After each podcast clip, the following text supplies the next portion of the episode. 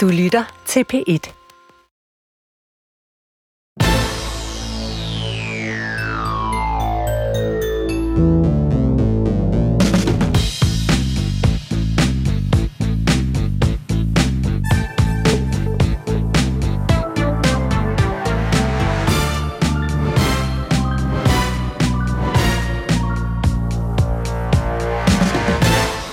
Velkommen til ugens gæst, Stephanie Lose.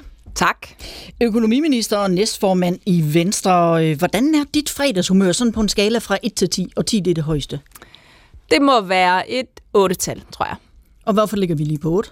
Ja, fordi det har været en god uge. Jeg har været øh, rigtig mange forskellige steder, øh, mødt en masse spændende mennesker, øh, snakket med masser af folk ude i Venstres bagland. Det har været rigtig godt. Øh, men øh, det er nok ikke helt op på en 10'er, fordi jeg kommer lidt sent hjem i dag, og jeg vil egentlig gerne hjem til familien. Og så er det ikke for, for at få yderligere til øh, det der med humøret, og det er ikke for at gøre dig i dårligere humør, men øh, her til morgen, der kunne DR jo præsentere en spritny opinionsmåling. Der står, at Liberal Alliance står til at blive Danmarks næststørste parti med 14,5 procent, mens I i Venstre står til 9,4 procent. Kan Venstre nogensinde blive det store dyr på savannen igen? Jeg tror i hvert fald, at Venstre kan blive større, øh, og den der måling gør slet ikke mig i dårlig humør, fordi jeg har jo sådan indrettet, at man også bliver nødt til at se øh, de positive sider, og jeg kan i hvert fald konstatere, at Venstre er gået frem siden sidst I lavede en måling, og det vælger jeg så at glæde mig over. Ja, for der lå I nemlig på 8,1 i, øh, i december, så du tænker, det her det er starten på noget godt nyt. Jeg tænker i hvert fald, at det er, giver mig et håb om, at vi lykkes med at stabilisere og bygge en platform at arbejde videre ud fra. Du var jo en super populær regionsformand. Du elskede simpelthen dit job. Nu sidder du så i en knap så populær regering, men elsker du egentlig at være økonomiminister? Jeg ved ikke, om man kan nå at elske noget på så kort tid, øh, som jeg har været her, øh, men jeg er meget glad for at være økonomiminister, og jeg synes, det er en spændende dagligdag, jeg har. Øh, du har jo tidligere været at finde som hotdog-dame i pølseboden, øh, når Esbjergs fodboldhold øh, IFB spillede kamp. Er det noget, du stadigvæk øh, får tid til at pleje, nu hvor du er blevet økonomiminister? Ja, jeg er der sammen med min datters klasse, øh, som skal samle penge øh, ind, og øh, det er, følger jo med det ansvar, man har som forældre, og så øh, bliver det sådan lidt en fordeling mellem øh, mig og min mand, øh, hvem er os, der tager med, øh, afhængig af, hvordan kalenderen ser ud, men jeg prioriterer, at det også er mig, der tager med. Men er du skrab til at lave en fransk korter? Jeg plejer faktisk at få lov til at stå ved kassen. Det kan være, det er økonomiministergenerne, der, der slår igennem.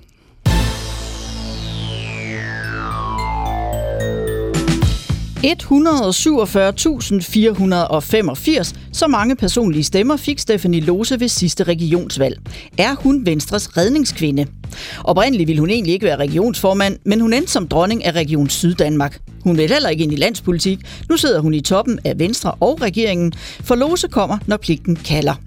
Stephanie Lose er kendt for sin loyalitet over for det venstre, hun meldte sig ind i som 14-årig. Hun foretrækker resultater frem for rampelys, hun vægter ordentlighed, men hun er heller ikke bange for at sætte hårdt mod hårdt, når det gælder. Den næste time er Stephanie Lose ugens gæst. Vi skal tale om ældrereformen, om Venstres krise og om at være introvert i en verden domineret af se mig, hør mig. Mit navn er Pia Røn. Velkommen til. Stephanie Lose, tirsdag, der var der 2.000 mennesker samlet i Fredericia til stormøde. Det handlede om øh, de ældres velfærd, og du var en af dem, der var til stede. Hvad tog du egentlig med fra mødet? Jeg tog med, at der er en meget stor øh, sådan fælles oplevelse af, hvad er det for nogle håndtag, vi skal skrue på, for at få det til at lykkes, så vi får en ældrepleje, der bliver bedre end den, vi har i dag, og i øvrigt uanset om den er leveret af, af offentlige eller private aktører, og at der er rigtig mange mennesker, der gerne vil i samme retning på det her område. Og når du siger, hvad det er for nogle håndtag, hvad er det så for nogle håndtag? Jamen, det handler om øh, styrket tillid til medarbejderne derude. Det handler om mere frihed og fleksibilitet i dagligdagen for den ældre, og også de pårørende jo nogle gange, fordi de spiller en, en rigtig vigtig rolle. Det handler om at tage nogle greb, der kan lempe den dokumentationsbyrde, man står med derude. Øhm, og så handler det jo også om noget økonomi, altså at der også er en villighed til at tilføre ældreområdet nogle flere penge. Stormødet det lå jo i forlængelse af regeringens præsentation af øh, den her længe ventede ældre reform. Du bliver aldrig for gammel til at have det godt, af titlen på øh, jeres øh, reformudspil. Lars Lykke, han har jo meldt ud, han vil gerne sidde på en bænk og skrælle æbler, når han bliver gammel. Det sagde han ved præsentationen, og så er det jo heller ikke sikkert, at han gider gå i bad hver dag. Hvordan drømmer du om, din alderdom bliver? Jeg håber, at jeg øh, får en mulighed for at have min familie tæt på. Det tror jeg i virkeligheden vil være det vigtigste for mig. Og så håber jeg også, at det bliver øh, sådan, at man selv har indflydelse på, hvordan dagen den skal være. At hvis man er på plejehjemmet, at man så ikke skal op klokken øh, 6.00, fordi det er der, der er tid til det, eller klokken 8.00, men at der kan være noget fleksibilitet øh, efter forhåbentlig et langt arbejdsliv, så synes jeg også, at vi skylder jo både mig, når jeg måtte nå dertil, men alle dem, der også er der i dag, at vi har mulighed for at indrette os efter dem i videst mulig omfang. Så der vil du gerne ligge og dankere den til klokken 9? Ja, nu er jeg faktisk øh, ret meget morgenmenneske, ja, så jeg er ikke sikker på, at det er mig, der kommer til det, men, men friheden til, at det ikke skal være låst meget fast, øh, det tror jeg er vigtigt. Der skal være mere selvbestemmelse, som du også sagde før, mere tillid og mindre kontrol. Reformen er et forandringsprojekt, står der. Hvad er egentlig det vigtigste for dig og Venstre at forandre? Jamen, jeg, jeg, jeg, det der med at sige én ting, det, det, det tror jeg måske er lidt svært, fordi jeg tror, at der er mange ting, der skal lykkes, hvis vi skal gøre det her. Men, men det er jo, at det netop ikke bare bliver et spørgsmål om noget lovgivning og nogle rammer, men at det netop bliver en forandring, som man både tager del i som politiker, som pårørende, som ældre, som medarbejder. Fordi hvis vi ikke alle sammen bidrager, så kan det ikke lade sig gøre. Altså hvis vi ikke øh, som politikere øh, giver noget mere øh, tillid derud øh, og øh, skal blande os i alle enkeltsagerne, så kan det ikke lade sig gøre. Hvis de pårørende beder om, at det hele bliver dokumenteret, hvornår der er spist, øh, badet, drukket, øh, hvad det nu måtte være derude, øh, så kan vi ikke løsne for det. Hvis ikke medarbejderne tager ansvaret og den tillid, vi så giver dem på sig, øh, og har den daglige gang derude, så kan det ikke lade sig gøre. Altså, vi skal alle sammen løfte vores del af den her forandring. Med frisættelsen øh, så får den enkelte selv mulighed for at bestemme, hvad vedkommende vil have hjælp til, og så åbner I også op for en helt ny type plejehjem, som er offentligt ejet, men får deres egne bestyrelser og bliver fritaget fra en øh, række kommunale regler og krav, og hvor øh, beboerne så også kan tilkøbe ekstra ydelser. Hvordan vil I egentlig undgå, at der kommer de her øh, famøse A- og B-hold? At der er nogen, der flyver på øh, business class, og så er der andre, der sidder nede på Monkey, fordi de ikke havde råd til den dyre? Jamen, hele forudsætningen her er, at det vi som samfund tilbyder, det skal være det samme. Uanset om du er inde på det offentlige plejehjem, på det friplejehjem, der allerede er mange steder i dag, eller i den nye type plejehjem, at så er det ikke sådan, at så er det offentlige tilbud, at der er forskellige muligheder for at hjælpe. Så skal man kunne få et godt tilbud, uanset hvor man kommer hen. Men så er det klart, så er mennesker forskellige og prioriterer forskelligt og har forskellige baggrunde og muligheder og pårørende og alt muligt andet. Så den der tro på, at alt det, der foregår udenom, om hvad, hvad vi ligesom lægger rammer for, at vi kan styre og regulere det, det tror jeg godt, man kan pakke væk. Selvfølgelig er vi forskellige og har forskellige muligheder. Men der er vel også forskel på, om, øh, om vi er forskellige, om så kvaliteten kan være den samme. Altså hvis nu jeg for eksempel bor i en by, hvor der ikke bliver mulighed for at få den her type plejehjem, den frisatte type, hvor, hvor man kan tilkøbe ydelser osv., øhm, men min kammerat, min veninde, hun bor et sted, hvor hun bare kan give den hele armen. Altså så er der vel forskel alligevel den kvalitet, man bliver tilbudt? Ja, det, jeg tror jo stadigvæk, der vil være en rigtig god kvalitet øh, på et helt almindeligt offentligt plejehjem, men i det her ligger der jo også en tillid til, at man ude i kommunalbestyrelsen vurderer, hvad er det gode mix? Øh, jeg håber da også, der kommer flere helt almindelige friplejehjem øh, i, i alle kommunerne, men, men jeg synes ikke, at vi kan sidde på Christiansborg og sige, at i by A skal der være det, i by B skal der være det, i by C skal der være det. Der må vi også have en tillid til, at de rammer, der bliver givet, at man der ude i kommunerne så navigerer i dem og vurderer, hvad er det bedste tilbud til vores borgere. Øhm, I udspillet der står der, og jeg citerer, det vil også betyde, at der bliver større forskel i den pleje og omsorg, den enkelte modtager. Men gør det egentlig noget, spørger I? Øhm, der vil jeg så spørge dig, der er vel forskel øh, på, øh, om man har forskellige ønsker og behov som menneske, eller om, eller om kvaliteten og standarderne er de samme, er der ikke det? Jamen, jeg tror ikke, man kan lave en ældrepleje, der bare er baseret på standarder. Altså, vi går jo væk fra det her, med, går vi jo væk med store skridt fra den der diskussion om, øh, du skal øh, i bad øh, på den her dag klokken det, og så hyppigt, og du skal have den her hjælp. Hele ideen er jo, at man skal kunne få hjælp i nogle mere rummelige forløb. Altså, det er jo ikke sådan til selvbord, hvor du så kan ønske dig alt godt fra havet og få hjælp til alt, som man ikke kan i dag. Men tanken er, at du skal have nogle mere rummelige forløb, hvor at den ældre sammen med medarbejderen, og jo ofte også de pårørende, øh, fordi der jo er nogen, der har brug for rigtig meget øh, hjælp, kan have dialogen om, hvad er så vigtigt for dem øh, den dag eller den uge, og tage højde for det, øh, sådan at hvis nu at der har været nogle pårørende forbi, og gøre rent, øh, hvis man havde mulighed for det i løbet af weekenden, jamen så kan det være, at hjemmeplejen øh, tiden kan gå med noget andet i løbet af den uge, der kommer. Men hvad så, øh, hvis jeg som pårørende kommer på plejehjem, øh, og jeg siger en hel uge, jeg gider sådan set øh, ikke have gjort rent, jeg vil heller ikke i bad. Jeg synes, det kunne være meget hyggeligt, hvis vi kunne sidde her og spille øh, vist og drikke kaffe. Øh, så kommer der nogen på besøg. Så ringer de til kommunen, så ringer de til medierne og siger, hvad er det for noget? Min gamle mor, hun sidder her og har spillet vist en hel uge, hun lugter, og hjemmet det flyder. Kan I så lade være med at blande jer som politikere, tænker du? Ja, altså to ting at sige til det. Det ene, det er, at det der, det understreger jo, hvorfor det her det er en kulturforandring, og som jeg i øvrigt også inkluderet de pårørende i. Fordi både politikere og pårørende bliver også nødt til her at acceptere, at vi kan ikke dokumentere os ud af alting. Og at hvis der er en tillid til det rum, der er mellem den ældre og medarbejderen, så kan det jo også være, der kommer noget ud af det, som ikke en til en var det, vi selv ville have besluttet, hvis vi var derude. Og den tillid er vi nødt til at vise. Det er det ene. Det andet er, her der kommer medarbejdernes faglighed jo også i spil. Og ved du hvad, altså jeg, jeg kan ikke, øh, altså det kan ikke hisse mig op, hvis det er, at der går en dag ekstra med badet, eller at håret bliver fedtet, eller noget. Det går jo nok. Altså, jeg kan også nogle gange øh, diskutere øh, med min teenage-datter, hvornår er det så, man skal vaske hår og sådan noget. Altså, det, det kan ikke Altså, det kan jeg ikke øh, øh, blive meget forarvet over. Men det er klart, der bliver nødt til at være en faglig dialog, og nø- om nødvendigt jo understøttet af en leder, fordi man kan jo ikke systematisk fravælge at sige, jeg vil ikke genoptrænes for eksempel. Og man kan heller ikke kun komme i bad, øh, altså hver anden måned. Altså selvfølgelig bliver der nødt til at være en dialog, og der er vi nødt til at have en tillid til, at medarbejderne bruger den faglighed, som de har fået gennem deres uddannelse, til også at hjælpe de ældre med at træffe de rigtige beslutninger. Du nævner de pårørende flere gange. Øh, som jeg hørte dig, så skal de pårørende lige på en eller anden måde slappe lidt af, men de skal også inddrages mere. Hvad er det for nogle forventninger, der, der er til de pårørende? Hvor meget skal man, hvor meget skal man selv sørge for? Ej, jeg, jeg synes ikke, jeg, det lyder så, så det lyder sådan lidt forkert at sige, nu skal I bare slappe af.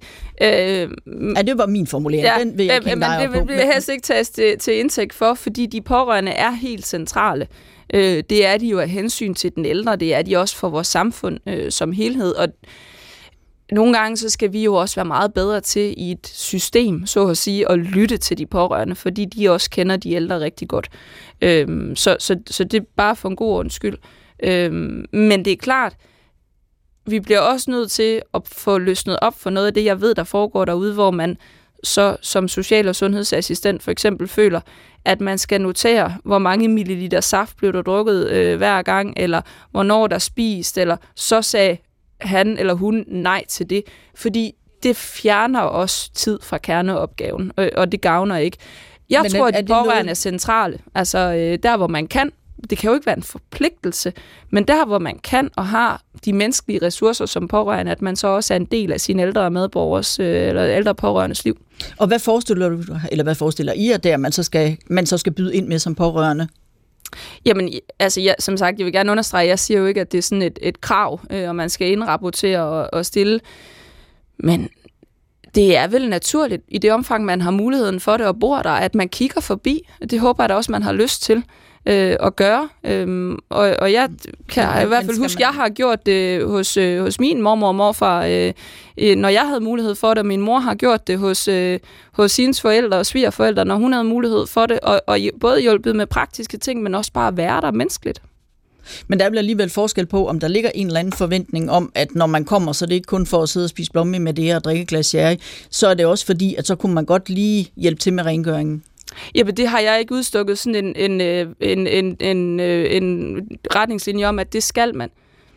Men, men helt ærligt, altså, gør vi ikke det, når vi kommer? Altså, det, det, jeg synes, det er naturligt, at i det omfang, man har overskud til det, og det passer ind, at man så lige giver en hånd øh, med det, der måtte være forfaldende, når man gør noget det, det er jo i øvrigt ikke anderledes, end at øh, sådan har det i hvert fald været i min familie, når, når jeg selv eller min søskende er flyttet hjemmefra som, øh, som teenager eller unge mennesker, at når vores øh, mor eller far så er kommet forbi, så øh, har de hjulpet med at, at skrue hylden op på væggen, eller øh, og, og tage et nap med, med rengøring, og bare været en del af vores familie, samtidig med, at vi har været sammen. Du nævner selv det her med, at der har været nogle øh, enkeltsager, og de har jo været der, selvom der har været kontrol. Øh, vi husker alle sammen øh, sagen om Else, sagen om Jørgen, øh, som har fået meget uværdig behandling. Kommer vi til at se øh, færre sager, nu hvor systemet kommer til at bygge på tillid frem for kontrol? Nej, det ved jeg ikke. I forvejen ser vi jo nok ikke forhåbentlig alle, eller det, forhåbentlig det lyder forkert, men altså jeg tror jo ikke, vi ser alle de sager, der er derude, hvor der er noget, der går galt, eller hvor vi vil være ked af det, forarvet, øh, bestyrtet over noget. Dem, alle de sager ser vi jo ikke i medierne. Men jeg tror bare, man må konstatere, de er jo i hvert fald ikke forsvundet af, at der bliver dokumenteret og dokumenteret, og at øh, der er tilsyn og kontrol og alt muligt andet.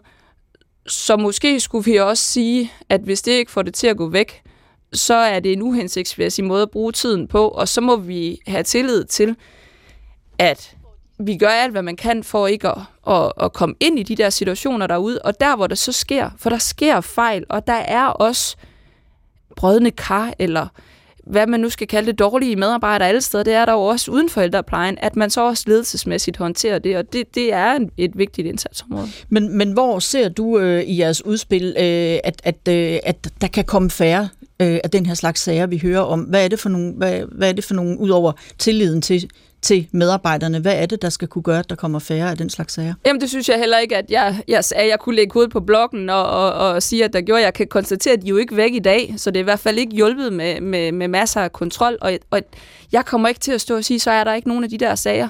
Og jeg har heller ikke en benchmark på, hvor mange der er, og så kan jeg måle bagefter, om, om der så er blevet færre. Jeg tror bare, at vi får en bedre ældrepleje samlet set af, at de ældre får mere fleksibilitet og medbestemmelse, at medarbejderne får bedre rum til deres faglighed, og at vi har større tillid til dem, at der er et større ledelsesrum derude lokalt, at vi også lader noget økonomi følge med, og at vi som politikere også er villige til at træde lidt tilbage og sige, det dur ikke, øh, at vi hver gang der er en sag siger, så er svaret, nu gør jeg sådan og sådan. Ældreminister Mette Kirkegaard, hun fortalte på det her pressemøde, der var forleden, at, sidst hun, øh, at hun siden hun blev minister har rejst øh, land og rige rundt for at tale med folk med indsigt i ældreplejen. Og der er især en samtale, som har sat sig i mig. Og det var, at jeg talte med nogle social- og sundhedsmedarbejdere, der fortalte om, at når de går på arbejde, så tør de faktisk ikke spørge de ældre, hvordan de har det. Fordi de ved, hvis der er noget galt, så er der hverken plads eller tid til at gøre noget ved det fordi de skal videre til den næste opgave på kørelisten hos den næste ældre. Ja, sådan sagde altså ældreminister Mette Kirkgaard. Det skal være slut med tidstyranni, skemaer, og øh, så skal vi altså øh, have tillid frem for kontrol, lyder det fra jer. Men vil der ikke på en eller anden måde altid være en tidsplan? Altså skal medarbejderne ikke altid videre til en anden, der sidder og venter? Jo, altså jeg tror øh, jeg har i hvert fald ikke nogen ambition om at give indtryk af, som jeg også sagde før, nu kommer der sådan et tag hvor man bare kan alt muligt, og hvis du har brug for det, så sidder der en der i fem timer. Altså, øh, øh altså det, vil jeg, det vil jo være at stikke folk blå i øjnene, og selvfølgelig er der en hjælp, der skal leveres. Jeg tror, at vi, hvis vi giver noget mere fleksibilitet, så bliver det jo både at give og tage. Altså at man så oplever nogle situationer, hvor at så er der ikke brug for så meget det ene sted, så kan det gå lidt hurtigere, og så er der lidt mere elastik et andet sted. Og også når man arbejder i tværfaglige teams, at man så kan hjælpe hinanden på tværs, og også lidt bedre navigere øh, i dagligdagen øh, på det. Og, og jeg er jo enig i, at, at der, tiden er presset derude. Jeg vil så også sige, der er altså rigtig mange gode steder. Jeg har også besøgt masser af plejehjem, hvor at der også er tid til, at man kan gøre det her. Jeg synes også, det ikke skal blive for sort-hvidt at sige, at, at, at det hele det er bare forfærdeligt. Det mener jeg simpelthen ikke, der er dækning for. Du skal lige høre øh, fra en, der hørte, eller der sad fuldt øh, pressemøde forleden. Øh, det er Anne-Marie Jørgensen, pensionist. Hun var med i TV-avis. Nu skal du høre, hvad hun sagde. Hvis der kom mere tid, vil jeg være betrykket, men jeg er jo ikke sikker på, at det kommer. Og så lover de jo penge, og det gør de jo så i 27. Og øh, for mit vedkommende, så det er jo ikke engang sikkert, at jeg er her. Men Altså mere tid ville, ville være dejligt for mig, men ellers hørte jeg ikke rigtig noget i det pressemøde, for de taler jo bare udenom, synes jeg. Ja, sådan sagde altså Anne-Marie Jørgensen. Kan du love hende mere tid? Og hvor skal den tid komme fra? Nej, som jeg sagde før, jeg kan jo ikke love hende, at, øh, at dobbelt tid i morgen, og at hvis man både øh, får støvsuget normalt, så får man også vasket gulv, eller at hvis man, øh, at, at alting bliver dobblet. Det, det, det ville være at snyde folk og sige og stikke dem blå i øjnene. Det vi kan sige, det er, der er en ambition om at frigøre tid for det, der ikke foregår ude hos den ældre, ved at gøre noget ved tilsyn, ved at gøre noget ved dokumentation og kontrol osv. Det er det ene. Vi kan sige, at der kommer nogle penge. De kommer gradvist. Der er den milliard, vi har afsat. Derudover er der også pengene til det demografiske træk, som det hedder, altså at når der kommer flere ældre, så følger pengene med, sådan så at kommunerne som en del af økonomiaftalen får mulighed øh, for at dække det. Og så er der den her fleksibilitet, netop med, hvad er det konkrete behov, hvor der kan være nogle dage, hvor behovet ikke er så stort, og andre dage, hvor det er lidt større, og hvor man kan flexe noget mere. Og, og det tror jeg altså også giver en større frihed derude til at, at håndtere det. Nu er det ikke øh, første gang, der har været politisk fokus på forandring af ældreplejen. Jeg synes lige, vi skal høre et 23 øh, år gammelt klip med Anders Fogh Rasmussen. Og noget af det, vi gerne vil gøre op med, det er også det stopordstyrani, der er blevet. Det har noget at gøre med at få en holdningsændring, hvor vi kommer væk fra håndbøger, stopordstyrani, manualer og regler, og i stedet for kommer over til at få en sund fornuft, øh, menneskelig omsorg, at den ældre og hjemmehjælperen selv finder ud af, hvad er det, der er brug for. Sådan sagde altså Anders Fogh Rasmussen i valgkampen 2001. Dengang der hed hans øh, rådgiver Michael Christiansen. Vi har ringet og spurgt ham, om ældrereformen er gammel vin på nye flasker. Det er jo ikke første gang, der er en statsminister eller en regering, som gerne vil gøre noget ved hele ældreområdet, og især også gøre noget for, at, øh, at omsorgen bliver større og øh, mindre byråkrati osv. Så, så masser af gode viljer, og der er jo ikke rigtig sket noget som helst. Øh, det er jo, ikke, det er jo faktisk ikke blevet bedre i de der godt øh, 20 år. Når det så måske alligevel ikke er helt gammel vin på nye flasker, så er det jo fordi, at nu den her gang, så er det både S og V, øh, Socialdemokratiet og Venstre, som står sammen om at præsentere noget. Noget af det, der har været problemet de sidste 25 år, har jo været, at øh, øh, især Socialdemokratiet har, været, har bekæmpet nogle af de der, nogle af de der ændringer, og så, øh, så bliver det ikke til noget, fordi systemerne er enormt træge.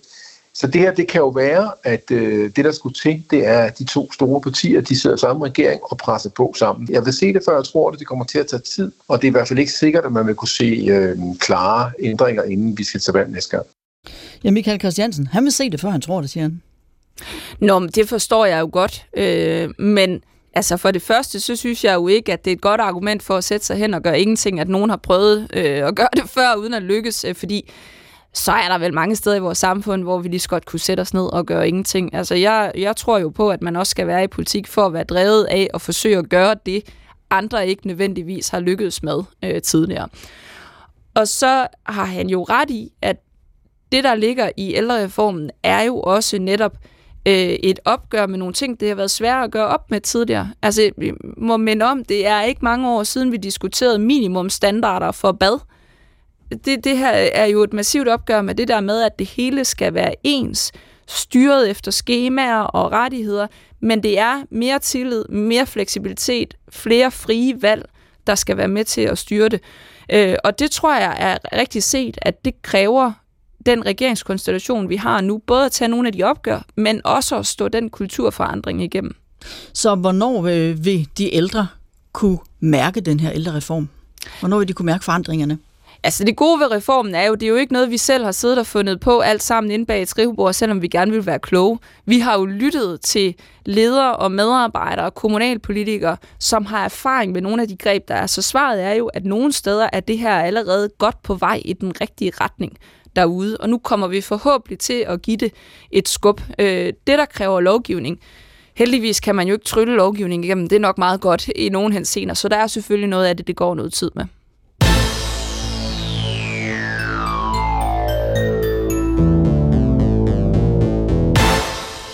Ugens gæst er Stefanie Lose, økonomiminister og næstformand i Venstre.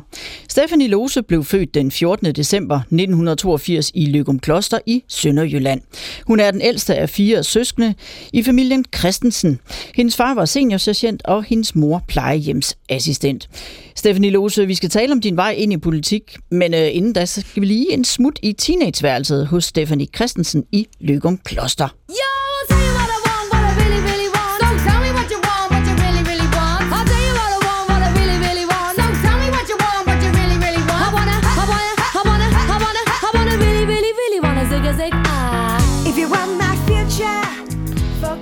Det er Spice Girls. Det er på det tidspunkt, hvor du er omkring 13-14 år, at de brager igennem med deres girl power. Var du til girl power? Nej, egentlig ikke øh, så meget, men, men jeg har jo hørt det, øh, og, og der hvor jeg voksede op, øh, og da, i hvert fald da jeg blev lige lidt ældre end, end 13-14 år, der var noget af den måde, hvor, hvor man gik til fest på, det var jo at gå til halvbal. Øh, så jeg har været øh, til, til mange halvbal sammen med mine veninder, og der var det jo også noget af det musik, der blev spillet. Hvad lyttede du egentlig så ellers til, hvis du ikke var så meget til Spice Girls? Jamen, jeg lyttede jo mest til det der aktuelle musik, der nu var. Øh, og så har jeg gået på Tønder Gymnasium, hvor der var sådan en... Øh, en, øh, en Europa-linje, hvor man rejste, øh, hvor en af rejserne gik til Liverpool, hvor Beatles kommer fra, og derfor hørte vi faktisk i min første år i gymnasiet øh, rigtig meget Beatles for at forberede os på den tur. Det har også øh, hængt lidt øh, ved øh, undervejs. I din øh, sådan tidlige ungdom, der omkring de der 13-14 og sådan noget, hvordan ser der egentlig ud på dit øh, teenageværelse? Hvad har du plakater af, og hvad, hvad har du stående i reolerne? Hvad går du op i? Jamen, jeg øh, brugte faktisk rigtig meget tid med min familie. Øh, jeg øh, har jo tre øh, søskende, der er yngre end mig, øh, og min mor arbejder om aftenen som plejehjemsassistent, så vi havde sådan et, øh, et øh, arbejdsfællesskab. Min far og jeg, og min mor var på arbejde om aftenen med de her øh, tre yngre søskende, der skulle... Øh, i bad og øh, øh, hentes og bringes og spises af og så videre. Så, så det brugte jeg faktisk rigtig meget tid på, og det var sådan en god kernefamilie. Og ellers så øh, spillede jeg håndbold.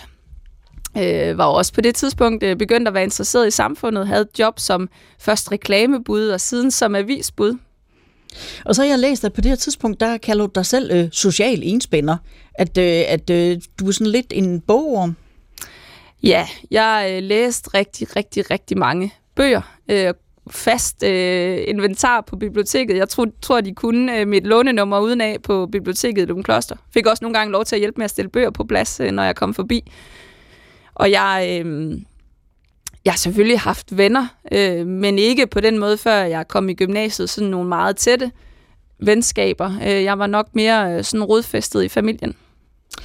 Du melder dig jo så ind i Venstres Ungdom, stærkt inspireret øh, daværende formand Uffe Ellemann Jensen, øh, men de første år, der holder du dig sådan lidt i baggrunden, ja faktisk de første fire år. Hvordan kan det være? Ja, det var nok det der med, at jeg var øh, sådan lidt en, en øh, social enspænder og var lidt nervøs for, hvad det var for noget, det der. Øh, faktisk så har jeg helt op til gymnasieårene lidt af hjemvej og havde svært ved at være væk hjemmefra og prøve nye ting og komme nye steder. Så på den måde så øh, var det rart at følge med, men, men jeg turde ikke rigtig det der med at tage skridtet, og, og når jeg nogle gange har skulle noget nyt, så har, så har der været at skulle være en eller anden stærk trækkraft for at få mig afsted. Altså det med at være væk hjemmefra og turde tage afsted. Øh, første gang jeg for alvor gjorde det, det var da jeg var i, i Paris med ungdomsskolen i, i 8. klasse, øh, hvor at øh, jeg, gik, jeg var ved at lære fransk og gik rigtig meget op i fransk historie og, øh, og det franske sprog og sådan noget, og derfor så da der var sådan en tur, så selvom jeg havde hjemmevæg, så, ah, så ville jeg alligevel rigtig gerne afsted. Jeg havde en super sød fransk lærer, som, som var rigtig sød til at være opmærksom og tage mig med. Øhm, og på samme måde det med VU, det, der gjorde, at jeg ligesom blev aktiv, det var hele debatten om øh, og afstemning, og øh, hvor jeg havde lyst til at tage med og blive klogere, og der vandt nysgerrigheden på, på det indholdet alligevel over frygten for at skulle ud på egne ben. Jeg synes, vi skal høre fra en, som øh, har fulgt din øh, politiske karriere på tætteste hold, øh, fordi det her, da du så begynder at åbne munden øh, der omkring øh, år 2000 i VU, og begynder at blande dig lidt mere, så er det jo det, der ligesom bliver startskuddet øh, for alvor til din øh, politiske karriere. Øh, lad os øh, lytte til en, som øh, har kendt dig helt tilbage fra ungdomsårene i øh, Venstre, i VU, og tydeligt husker første gang, han så dig. Jamen, hun var en, øh, en dejlig pige, som jeg fik et øh, godt øje til til en øh, julefrokost i Venstres Ungdom hvor vi skulle have et øh, fælles arrangement mellem øh, VU Ribeamt og VU Sønderjylland sammen. Det hed det jo stadigvæk øh, dengang. Og der blev jeg meget betaget af hende, og så blev jeg heldigvis enige om, at øh, vi skulle prøve at ses igen. Og så øh, resten jo sådan set øh, historie, så er vi hængt sammen lige siden. Stephanie er den, den samme, som hun har været øh, hele tiden. Men der er selvfølgelig også nogle sider af en selv, som man efter så mange år øh, med forskellige typer lederstillinger inden for, for det politiske, man jo selvfølgelig arbejder mere med end andre. Stephanie, Stephanie har jo selv sagt, at øh, hun jo er sådan en natur en introvert type. Og det er klart, det kan jo godt øh, klasse lidt med, at øh, man skal stå og holde store taler og mødes med vigtige personer og sådan noget. Så den side har hun jo arbejdet med. Men indeni der er hun stadigvæk den samme Stephanie, som jeg mødte for, for mange år siden. Ja, det var jo din mand, Jakob Lose, jeg havde ringet til her, som, som sagde de pæne ord om dig. Han siger det her med det introverte. Har det egentlig været svært for dig, når man så træder ind i sådan en politisk verden, hvor det gælder om hele tiden at være på og at være på alle sociale medier og komme så meget i fjernsynet som muligt? Har det været noget, du, du skulle kæmpe med? Altså ikke så meget det der med at stille mig op og holde en tale, eller lede et møde, eller øh, deltage i en forhandling. Sådan nogle ting, øh, det er arbejde, og det, det, det er sådan super nemt at gå ind i, og man ved, hvad der forventes, og man kan forberede sig til det. Altså jeg har for eksempel altid været su- super god til at gå til eksamen, fordi det handler jo bare om at starte fra en ende af og forberede sig og kunne sine ting. Så er det sådan set ret lige ud af landevejen. Og der er arbejdsdelen jo lidt til samme. Det, der har udfordret mig rigtig meget, det har været mere den der sådan small talk del. Altså jeg er stadigvæk ikke særlig god til det. Jeg skal virkelig nogle gange sådan prøve at tage mig sammen og, og huske det og sådan noget. Og, og, og jeg er super dårlig til at gå til receptioner og sådan noget, hvis jeg ikke lige kan spotte nogen, jeg kender, jeg kan sådan prøve at hænge lidt fast i. Og nogle gange er formålet jo også at få snakket med mennesker, man ikke kender. Og, og, og det, øh, det har jeg faktisk lidt svært ved. Så det er sådan noget, du stadigvæk arbejder med, faktisk? Ja, det er det.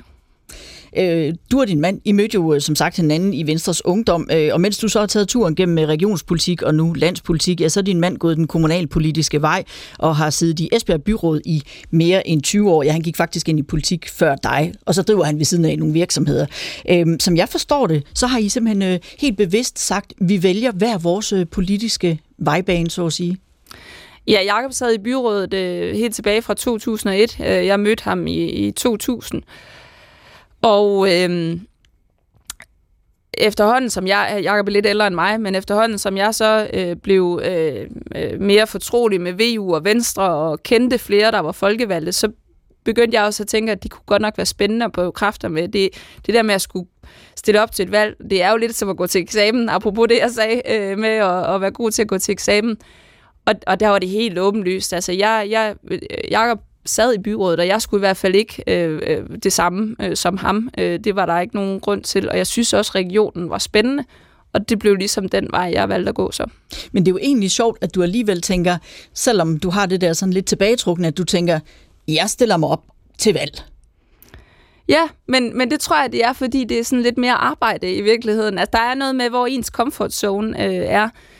Øh, og, og, og, og der tror jeg, der følte jeg mig tilstrækkeligt hjemme til, at det turde jeg godt. Altså i min tid som regionsrådsformand, øh, der har jeg været masser af steder, som, som der ikke er noget problem. Og noget af det, som jeg stadigvæk selv, lige inden jeg øh, stoppede, øh, synes var sværest som regionsrådsformand, det var i virkeligheden at skulle holde oplæg for sådan nogle overlægeråd og sådan noget, fordi så ved man, der sidder en hel masse kloge øh, læger, der ved noget om alt muligt, hvor man sådan lige skal trække vejret dybt og, og sige, at jeg kan faktisk godt mit stof, øh, og er, er tryg i, hvad min rolle er, og hvad deres rolle er. Øh, så jo, jo mere man føler sig hjemme, jo nemmere, jo mere man føler sig udfordret af, om man er øh, på tryg grund, jo sværere bliver det. Føler du dig ud af din comfort zone nu, hvor vi snakker om dig som person? Nej, det, det gør jeg ikke. Øh, nu har jeg jo været i det her en del år efterhånden, og, og vendet mig lidt til det. Ja. Du lever med det. Ja. Du er jo øh, uddannet nationaløkonom og har arbejdet i Jyske Bank og som underviser på Erhvervsakademi i Sydvest. Men det blev så alligevel øh, politik, der vandt. Som 22-årig blev du valgt i regionsrådet i Region Syddanmark. Det er i år 2006, øh, og ni år senere, der i 2015, der bliver du formand for regionen. Og det er du altså helt frem til, at Venstre efter Ellemands sygemelding får brug for dig på Christiansborg. Ved sidste regionsvalg, der fik du 147.485 personlige stemmer. Det er 10 gange så meget, som nummer 2 fik. Ja, jeg synes, vi skal gentage det tal. 147.485 personlige stemmer. Rikke Balser, hun er nyhedsredaktør og redaktionschef på Jyske Vestkysten, og her skal du høre, hvad hun har at sige om dig som politiker. Altså hun har jo Danmarks rekord i antal personlige stemmer, så noget gør hun jo rigtigt, kan man sige, over for, øh, for vælgerne. Øh, jeg tror netop det her øh, image, hun har om at være, være kedelig, faktisk er en del af det. Jeg tror, det ville være helt mærkeligt for vælgerne, hvis Lose pludselig blev typen, ja, der netop delte alt muligt om sig selv på, på sociale medier og øh, prøvede at være noget, hun ikke var. Altså Lose, hun... Øh, hun vinder ved at være tro mod, mod sin personlighed øh, øh, på at være denne her, øh, hvad hedder det, meget savlige øh, figur. Hun kan sagtens fremstå kedelig, og, og det øh, kan jeg egentlig godt forstå, nu hvor hun fremtræder på tv, øh, landstækkende og så videre nu, at, at nogen måtte opfatte hende som. Men efter min opfattelse, så faktisk det, der skabte hendes popularitet her i, i Region Syd. Hun er simpelthen kendt for at have styr på sine ting. Man kan ringe til en klokken 3 om natten, og så, øh, så kan hun svare for sig, hvis man spørger øh, om nogle af, af de ting, der rører sig øh, på det felt, hun arbejder med. Jeg synes altså, Rikke Balser, øh, nyhedsredaktør og redaktionschef øh, på Jyske Vestkysten. Hvad er din egen forklaring på den øh, popularitet, du har haft i regionen? Jamen, jeg tror, det handler om, øh, som Rikke også siger, at have styr på tingene og vide, hvad man har øh, hænderne nede i. Ikke altid vælge de lette løsninger og det, der er nemt kommunikerbart, men stå på, at de rigtige løsninger også nogle gange øh, ikke nødvendigvis er dem, det er nemmest at kommunikere eller øh, mindst kompliceret at, at gennemføre. Så forsøger jeg jo også at svare relativt klart for mig. Der er rigtig mange øh, mennesker, når jeg kommer rundt, som har sagt til mig gennem tiden, også efter jeg blev regionsrådsformand, at de synes, det var så rart, at når nogen spurgte mig om noget, så svarede jeg også. Det har jeg i hvert fald skrevet mig periode, fordi jeg har hørt det så mange gange, øh, at, at det kan folk godt lide, så det prøver jeg også at være tro mod øh, stadigvæk. Da du i sin tid blev opfordret til at være regionsformand, der trak du lidt på det, fordi du vidste egentlig ikke, om du havde lyst til at skulle så meget i medierne, og du havde også to små piger. Men pligten kaldte jo altså, da du øh, så sidste år blev hævet til Christiansborg, der sagde du, at du ikke havde nogen ambitioner om landspolitik. Du ville meget gerne blive i det regionale regi, men Venstre havde brug for dig. Pligten kaldt. Vælger du altid pligt over lyst? Nej, øh, jo, det gør jeg nok mange gange, men, men man kan jo godt kombinere det forstået på den måde, at det er jo rigtigt, jeg ville gerne være blevet i Syddanmark, øh, og jeg, jeg havde faktisk også, da jeg kom tilbage, tænkt, at når det, det bekræftede egentlig bare, nu var jeg klar til også potentielt at tage en, en periode mere i regionen. Øh, når jeg så har truffet den her beslutning, så, så ja, så er det jo, også, så er det jo delvist af pligt, øh, fordi jeg vurderede sammen med Troels, at det var det rigtige at gøre men det er jo ikke sådan, at, at jeg ikke synes, det er spændende at være økonomiminister, og det er ikke sådan, at, at, øh, at jeg ikke også, øh, som jeg sagde, er glad for at være det, så, så man skal ikke altså, få ondt af mig, eller tro, at der er nogen, der har vredet armen om på, på ryggen af mig. Nu er den beslutning, som var svær om at forlade Syddanmark truffet, så er jeg også klar til 110 procent at lande i det her og få det bedste ud af det, og, og være med til at, at gøre en forskel her, og være glad for at være her. Du bliver ofte optalt som hende, der ikke gør meget væsen af sig, hende, der står for ordentlighed. Men øh, du er jo heller ikke bange for at tage magten. Det fik øh, Ville Søvndal og SF at føle efter regionsvalget i 2017, hvor SF ellers var gået voldsomt frem og havde sat næsen op efter masser af indflydelse. Lad os lige igen høre Rikke Balser, nyhedsredaktør på Jyske Vestkysten lige så ordentlig hun, øh, hun er, og lige så meget styr på tingene, hun, hun har, lige så ja, netop øh, brutal kan hun øh, fremstå. Hun sat Willy Søvndal på plads efter valget i 2017. Øh, Willy Søvndal havde ført en, en, øh, en skarp øh, kampagne, kan man sige, mod Venstre, og kaldt dem magtfuldkommende, og sagt, at de var ikke villige til at rydde op i de ting, der skulle ryddes op i, og noget med vendetjenester, og det ene og det andet, og det slog Lose sig simpelthen på, det ville hun ikke finde sig i, så hun satte øh, simpelthen Willy Søvndal uden for døren, øh, og øh, satte ham totalt uden for indflydelse. Og på samme måde har hun jo også spillet en kæmpe rolle i hele slagsmålet om, hvorvidt vi også i fremtiden skal have regioner, altså Lars Lykkes øh, projekt, og, øh, og hun har spillet en stor rolle i, at han til sidst måtte gå ud af bagdøren. Øh, så hun, hun tager de her magtkampe, og hun, øh, hun, hun er i stand til at, at sætte hårdt mod hårdt sagde altså øh, Rikke Balser, Balser i et interview med Djøfbladet i 2020, der siger du, Stefanie Lose, og jeg citerer, at være ordentlig er ikke det samme som, at man ikke også kan være brutal. Nogle gange er det brutalt at sige tingene, som de er, selvom det kan gøre ondt, og selvom man ikke altid bliver populær af at stå fast på det, man mener. Det må du gerne uddybe. Jamen, det, jeg synes jo, det hænger sammen. Altså, hvis man er ordentlig og følger sit eget øh, indre kompas, øh, så skal man jo også være villig til at tage konsekvensen nogle gange og stå ret hårdt på, øh, hvad man mener, eller hvor man synes, tingene skal ende, eller at der er konsekvenser for andre, hvis de overtræder ens egne grænser. Så, så øh, altså, hvis man ved at være ordentlig, så ender med at være sådan en, hvor det så implicit ligger, at man skal øh, bøje af, eller vende den anden kind til hver gang, eller sådan noget, så, så går det jo galt. Altså, fordi så, så kan man ikke være med til at sætte den retning, man selv tror på, så man bliver nødt til at være villig til også at byde fra sig. Der har jo været talt meget om øh, Dengang, hvor Venstre holdt krisemøde i Brejning i 2019, der tog du i flere, ifølge flere kilder ordet for at sige, at du mente, at både formand Lars Løkke Rasmussen og næstformand Christian Jensen begge to skulle trække sig. Berlingske har da berettet, at du brugte et Lars Løkke-citat og sagde, rørt brik skal flyttes. Lars Løkke han blev rasende, men det var jo sådan, det endte. Er det et eksempel på, øh, at det kan være brutalt at sige tingene, som de er, selvom det gør ondt, og man ikke lige bliver populær der? Ja, altså jeg, jeg har jo øh, lagt stor vægt på, at når der er noget, der øh, giver bøvl og ballade, hvis man så ikke inden for vores egne vægge også kan sige det, og så render rundt og siger ting i krogene og laver rænkespil i krogene, så, så det dur jo ikke. Altså, øh, man kan vel sige, med sådan lidt øh, et, et andet udtryk, jeg synes jo, man skal have røv i bukserne. Altså, man, altså, hvis man synes, noget er på en måde, eller man bliver nødt til at interessere sig for noget, så kan man ikke gå og putte med det. Så bliver man også nødt til at være den, der tør sige tingene, som man ser den. Fordi ellers så, så det er jo gratis at gå rundt og sige ting i krone. Det virker så heller ikke som om, du går specielt meget op i, hvad andre tænker om dig, da du i november blev interviewet af politikken, og til faktaboksen blev spillet, stillet den slags spørgsmål, som nogle politikere kunne være fristet af at give nogle rigtige svar på. Ja, der valgte du så en anden strategi. Jeg læser lige et par spørgsmålene op. Hvilken bog har du på natbordet? Du svarer, ingen læser kun i ferierne. Seneste ferielæsning? Du svarer, sidste bind af Lucinda Rileys De Syv Søstre. Politiske forbillede? Ingen. Seneste teaterbesøg? Husker ikke. Yndlingsfilm, ser næsten aldrig film eller tv, forkærlighed for Top Gun. Altså, de sociale medier og Kultur Danmark gik jo nærmest i chok, fordi hvordan kunne du dog finde på at svare sådan, men din mand, Jakob Lose, han synes, det var ret sjovt. Jo, men altså, hun siger tingene, som, øh, som hun ser dem. Og det betyder også, at øh, hvis det er, at man ikke lige kan svare rigtig godt i sådan politikken faktaboks, så er det så er det, det som, som man får. Så bruger jeg mig også lidt over, at jeg er jo kulturudvalgsformand her i øh, Esbjerg Kommune, og synes jo, at øh, det der med at komme ud og se en god forestilling eller lytte til noget god musik, det er noget af det fedeste, jeg jo ved. Så der er vi jo, altså Stephanie kan også rigtig godt lide at dyrke kultur. Vi går meget på, på museer, når vi er ude at rejse og sådan nogle ting. Men det var bare lige, at øh, de spørgsmål, som der kom der, dem kunne hun ikke svare sådan, så at sige, politikken politisk korrekt på. Og det fik vi da en, en god griner i bagefter. Var du lidt overrasket over reaktionerne? Nej, i virkeligheden ikke, fordi at det er jo sådan lidt elitært bobleagtigt, øh, at man skal kunne svare meget korrekt på noget. Øh, og, og lidt det, jeg sagde før med, at jeg står altså på, at, at øh, folk siger også, det er også fedt nok, at jeg svarer på det, jeg bliver spurgt om.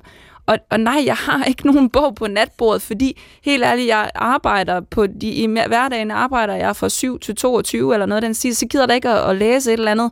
Øh, og hvis jeg endelig har overskud, så læser jeg en sag, inden jeg går, jeg går i seng. Altså, det, der er også nødt til at være noget realisme i det, men, men Jacob har jo helt ret i, at det er helt vildt, at de der svar så bliver brugt til sådan en stereotypgørelse, fordi Øh, jeg elsker at høre musik, øh, og, og, og tager gerne ud og høre musik. Altså, det er jo glad for, at du siger, for jeg nåede lige at tænke, og... hvad søren laver du egentlig, når du endelig har fri, hvis du hverken ser fjernsyn, eller læser bøger, eller går i teateret? Hvad laver du?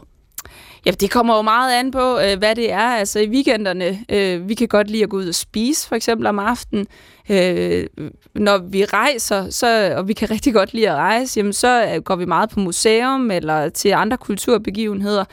Vi har sådan en regel om, at vi rigtig gerne vil forsøge som familie en gang i måneden. Det er så ikke altid, det lykkes nu, men at tage et eller andet sted hen, så kan vi tage ned på besøgscenteret på Skamlingsbanken, eller tage på Flugtmuseet ude ved Oksbøl, eller vi vil faktisk rigtig gerne til Reagan West, men der kan man næsten ikke få billetter. Ej, men du ved, sådan prøve at, at tage nogle ting i kalenderen, hvor man kommer ud og, og oplever noget. Øh, og, så, øh, og så er jeg jo som alle andre sidder hjemme i sofaen og, og ser, hvad, hvad skal vi i aften? Skal vi spille et spil? Skal vi tænde for fjernsynet? Hvad skal vi finde på?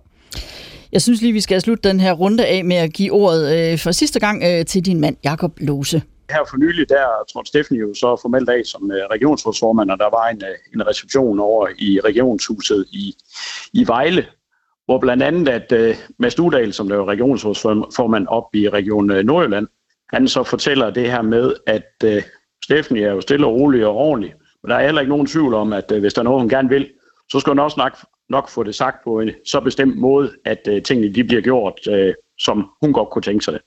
Og det kan jeg bare skrive under på, sådan er det altså også øh, derhjemme. Har han ret? Ja, det har han nok.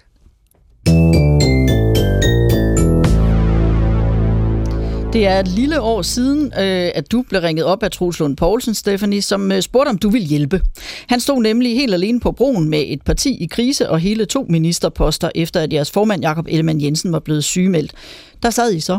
En, der ikke ville være formand, og en, der ikke ville være i landspolitik. Og alligevel så endte det lige præcis der, efter et par omveje. Hvad, hvad var det, der ændrede sig undervejs? Ja, altså i foråret, der tror jeg, at det, der ændrede sig, det var jo, eller jeg ved ikke, om der var noget, der ændrede sig, men da det ligesom kom på banen, at løsningen kunne være, at jeg trådte til, så behøvede jeg faktisk ikke at tænke så meget over det, fordi jeg, der var jeg egentlig tryg ved at, at forlade Syddanmark i en periode. Der var masser af ting i god gænge, og jeg kunne godt se for mig, at det kunne virke. Gode, gode kræfter til at tage over i Syddanmark. Og, og jeg vidste, at Troels havde brug for hjælp og kunne se det. Og så tænkte jeg, jamen så, så må jeg også bidrage. Øh, så foråret var sådan set for mig relativt ukompliceret at sige, okay, det synes vi gør. Jeg tror, det der ændrede sig for os, da vi så endte med at tage over i de her pladser, som ingen af os rigtig havde nogen ambition om at have, det var vel både, at der var et behov, og vi kunne se, at det var ligesom også pilen pegede på. Og så øh, tror jeg, at vi nok begge to også øh, har... Øh, øh, ret stor tillid til, at det samarbejde, vi fik etableret i foråret, at det kan bære os ret langt. Altså at vi, selvom Troels har det ansvar, han har som formand, og jeg har mit som økonomiminister øh, og næstformand, at så til sammen, så kan vi mere, end vi vil kunne være for sig, og at vi ligesom kan hjælpe med at have hinandens ryg, øh, og i politik skal man jo altid passe på øh, ryggen, er der nogen, der siger. I har det her øh, meget stærke makkerskab, som øh, Truslund Poulsen også øh, betoner gang på gang. Det her det er en holdindsats, og vi har det her stærke makkerskab. Men måske så har I også den samme udfordring. Det mener i hvert fald politisk kommentator Michael Christiansen. Stefan Lose har lidt det samme problem i virkeligheden, som Truslund Poulsen også havde, da han ikke var formand. Nemlig, man ved ikke rigtig, altså man, hvad, hvad mener Stefanie Lose egentlig? Og der er jo ikke nogen tvivl om, at man er helt sikker på, at hun er enormt driftsikker, og hun øh, kan sætte sig igennem, og hun er vældig i Venstres bagland. Men der er ikke mange af os, der ligesom kan de der sådan, tre punchlines på, på, hvad er det egentlig, Stefan Lose hun, øh, står for og gerne vil ændre det her samfund. Og, og, og det, det er ligesom det, der er Venstres problem. Øh, ikke kun Stefan Loses problem, Truslund Poulsens problem, det er, hvad, hvad står Venstre egentlig for? Kan du gøre Michael Christiansen og os andre klogere med tre punchlines, som han siger? Hvad står Venstre for? Hvad vil du? Hmm. Må jeg ikke lige bare starte et andet sted og så sige, altså for det første, så er det nok meget naturligt, at der ikke er alle mulige andre, der kan et politisk program for mig. Altså det, det har jo slet ikke været min rolle som regionsrådsformand og, og, og mere som organisatorisk øh, næstformand. Øhm, så man skal også passe på, hvad det er for en vægt, man, man vejer ting på. Det andet er, nu har vi i Venstre jo over det sidste år, og nogen vil nok sige, at vores problemer jo stikker altså helt tilbage til sidste år 10, haft uro og ballade og intriger og alt muligt andet. Første forudsætning på, at nogen har lyst til at høre politiske programmer fra os, det er jo for hulen, at vi også kan levere ro og stabilitet. Altså at vi kan lave et stabilt grundlag at stå på. Jeg tror, vi kunne komme med alt mulig politik den næste måned. Det tror jeg ikke vil gøre nogen forskel, fordi at, for, at det eneste, de ellers har hørt fra os de sidste år, det er alt muligt om skifte og sygdom og øh, øh, løftebrud og alt muligt andet. Altså, vi har brug for noget ro og stabilitet, og så skal vi nok bygge øh, vores politiske projekt op øh, videre derfra. Troels Lund Poulsen, øh, han gav jo stor interview i Berlingske i søndags, og her slog han fast, at Venstre skal stå, eller V i Venstre skal stå for velfærd. Øh, jeg citerer, mange forbinder Venstre med at være et parti, der kun går op i økonomisk politik og skat. Vi skal blive bedre til at fortælle børnefamilien på Østerbro, hvad vi kan gøre for dem, siger altså Troels Lund Poulsen. Og lad os så lige lytte øh, til Michael Christiansen, politisk rådgiver, igen det er sådan lidt en Anders få øh, forsøg på at være sådan en Anders få øh, 2,0 ikke? eller 3,0. Det er jo rigtig set af Troels øh, Lund, at man er jo nødt til at få fat i byvælgerne igen. Men hvordan man lige skal gøre det, det, øh, det, det, det, kræver jo det kræver et enormt langt sejt træk, og det kræver også noget politik på hylderne, som det måske er lidt svært. Øh, altså en, en af udfordringerne ved at være ved, at, øh, at man bliver identificeret som værende meget et landbrugsparti, det er det vælgerne tænker, de, de passer på landmændene, de, de er ikke så glade for den CO2-afgift, det er jo, at storbyvælgerne de løber skrigende, øh, skrigende væk, og, og, og dermed er den der CO2-afgift på landbruget, som kommer, og som Stefan Lose jo skal sidde og, øh, og finde ud af, hvordan skal skrue sammen, det er jo også et kæmpe problem for Venstre i forhold til byvælgere. Ja, hvordan vil I tiltrække både de bekymrede klimavælgere og byvælgere fra Østerbro i København, og så de pressede øh, landmænd fra provinsen? Hvordan vil I tiltrække dem på en og samme tid? Jeg tror, man skal passe på, at man ikke sætter modpolerne for hårdt op mod hinanden. Øh, når vi taler om, at vi også er et velfærdsparti, så er det jo i lyset af, for eksempel, jeg tror, at de fleste, det er i hvert fald sådan, jeg har taget det ned, har, har accepteret og siger, at for eksempel de skattelettelser, der kom, så der blev mere attraktivt at arbejde, og så vi styrkede øh, arbejdsudbuddet, altså hvor meget arbejdskraft der er til rådighed, at det var sådan en venstre markør ind i noget af, af regeringens arbejde. På samme måde, så har vi også brug for, at vi har et lige så stærkt ejerskab til den der velfærdsdagsorden. Og det er altså lige meget, om man bor på Østerbro, eller om man øh, bor øh, i øh, Lemvi, så betyder det noget, hvad det er for nogle vilkår, børnefamilierne har. Så er man optaget af den der hele generation af børn og unge mennesker, hvor en virkelig stor del mistrives og ikke er en del af et fællesskab, og hvor foreninger og civilsamfund osv. ikke spiller stor rolle. Hvordan kan vi gøre det? Og så det der med, at vi skal lave politik for en by, og vi skal lave politik for, for landbrug og sådan noget, det, Men det nu er er jeg det ikke jo enig selv, i. der har hivet Østerbro frem som et eksempel til nogen, I gerne ville tale til. I ved, at rigtig mange af jeres byvælgere er gået til Liberal Alliance. Nu sagde du sådan øh, tidligere, at det er ikke sådan, du lige lader dig kyse sådan en øh, meningsmåling der. Men altså, Udover at man kan sige, at i den meningsmål, der kom her til morgen, Venstre er gået lidt frem, så er det jo også meget tydeligt, at de stadigvæk ikke er i nærheden af der, hvor I har ligget før, og at Liberal Alliance, som har nappet en del af jeres vælgere, de er totalt flyvende på 14,5 procent. Danmarks næststørste parti, ifølge den her måling, lige efter Socialdemokraterne. Vi så også i går Liberal Alliance, de rydde bordet totalt øh, ved skolevalget. Hvordan skal I vinde de vælgere tilbage? Jamen det er vi indstillet på, at det bliver et langt træk. Det kan gå hurtigt nedad. Øh, det går sjældent lige så hurtigt opad. Og som jeg sagde, altså første forudsætning er også, at vi har ro på, på, øh, på rækkerne internt og har en sikker hånd øh, på rettet, så vi også har en mere rolig platform at tale politik ud fra. Og så er vi det borgerlige parti i regeringen, der tager ansvar og sætter helt konkrete resultater og sørger for, at den politik, der bliver ført i Danmark, den har klare borgerlige aftryk, og at den i hvert fald er helt anderledes, end hvis det røde flertal der i Folketinget havde været bragt i brug. Og den fortælling skal vi selvfølgelig være skarpe til, samtidig med, at vi kommer med vores egen politik, som både er relevant på børnefamilien på Østerbro, men jo også er relevant, hvis man bor ude i landdistrikterne og har nogle andre udfordringer, men stadigvæk er optaget af, hvordan har børnene det egentlig. Og du kommer jo øh, selv til at gå i fronten. Øh, Du har nemlig meldt dig på banen som folketingskandidat for Venstre. Om nogle uger så er der opstillingsmøde i kredsen i Esbjerg. En kreds, der både rummer land- og byvælgere. Lad os lige høre Rikke Balser fra Jyske Vestkysten igen. så bliver det jo spændende frem mod valget. Nu stiller hun jo op øh, meget øh, oplagt på sin øh, hjemmefront i Esbjerg. Og regionsrådsvalg er jo ikke det samme, som det er et folketingsvalg. Så kan hun stå på, på mål for, for de høje stemmetal, hun, øh, hun jo selv har vist, hun kan, kan tiltrække. Det er de samme vælgere, kan man sige, der skal stemme på hende. Det bliver jo interessant at se, hvor stor en kapacitet hun bliver for Venstre. Kan hun hente stemmer hjem til Venstre igen fra Moderaterne, fra Danmarksdemokraterne? Det er super spændende. Karl Holst fik også rigtig mange stemmer, da han sad i regionsrådet, og fik ikke så mange, da han så øh, endte i landspolitik. Så det er jo et eksempel på, at det ikke nødvendigvis går godt det ene sted, bare fordi det gør det andet sted. Det der med Losa, hun har ikke de her møgsager, der klipper til hende, som Karl Holst i en helt anden grad havde. Jeg har ikke nogen forventning om, hun får de der knap 150.000 stemmer, som hun gjorde ved regionsrådsvalget, men, men jeg tror, hun bliver en stor kapacitet for Venstre. Jeg tror, at hun kan være afgørende for, at Venstre får et ekstra mandat øh, i Folketingets Sydlands store kreds. Et ekstra mandat øh, i Folketinget, siger Rikke Balser. Hvad er dine egne forventninger, dine egne mål? Jeg vil i hvert fald gerne give nogen garanti om, at jeg ikke får 147.000 stemmer. Det vil være verdensrekord i Danmark. Ja, ja, al, må jeg jo bare lige starte med at sige, altså Syddanmark indbefatter også Fyn jo. Det gør Sydjyllands Storkreds ikke, så allerede der. Og så ved jeg jo godt, det, der er forskel på at være spidskandidat på en kæmpe liste, og være den, der potentielt har det samlede ansvar, og så være folketingskandidat blandt mange andre i en storkreds. Det er noget andet, og landspolitik er noget andet. Men jeg vil jo gøre alt, hvad jeg kan for at trække øh, stemmer til Venstre, og for at Venstre får så godt et valg som muligt i øh, Sydjylland. Det skal, der, det skal der ikke være nogen tvivl om, og jeg føler også, og tager det også på mig, men føler et stort ansvar øh, for at levere mit bidrag til det. Det vil jeg så ikke lægge skjul på, at, at der, der hviler et ansvar på mig. Så der er kaldt øh, pligten igen. Ja, det, ja, det gør den jo, men, men det, er, øh, det, det er helt naturligt. Hvilke overvejelser havde du egentlig, inden du sådan valgte at gå planken helt ud på den her? Altså i forhold til at stille op til Folketinget.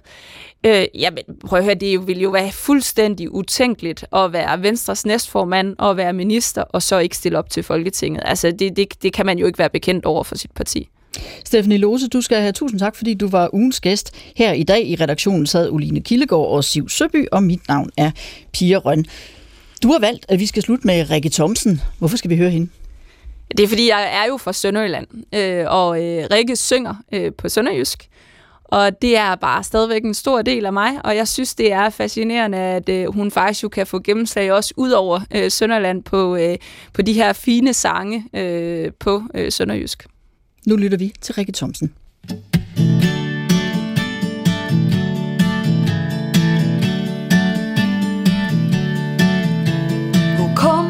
Jeg fra? Ja, nu skal du høre når du kommer til Kolding, bliv ved med at køre. Sinde med vinde.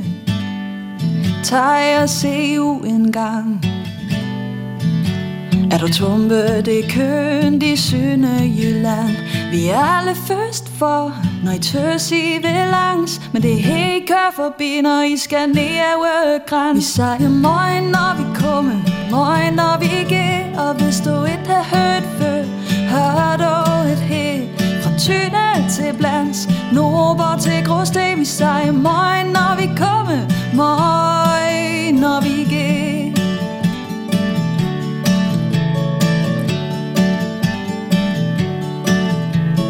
kommer fra, er alle i tvivl. Man kan kun hjem et sted i liv. At lukke øjne, gå frem og tilbage Og smil for mig selv til min barndomskær Vi siger morgen, når vi kommer, morgen, når vi går Og hvis du ikke har hørt før, hør du et helt Fra Tyne til Blands, Nordborg til Gråsten. Vi siger morgen, når vi kommer, morgen, når vi går Når vi går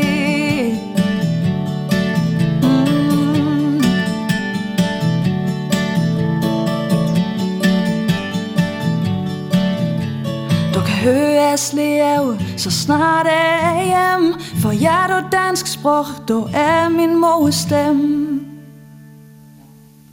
Vi siger morgen, når vi kommer Morgen, når vi går. Og hvis du ikke har hørt før Hør du et helt Fra tynde til Blands Nordborg til Gråsten. Vi siger morgen, når vi kommer Morgen, når vi går. Når vi går Gå på opdagelse i alle DR's podcast og radioprogrammer. I appen DR Lyd.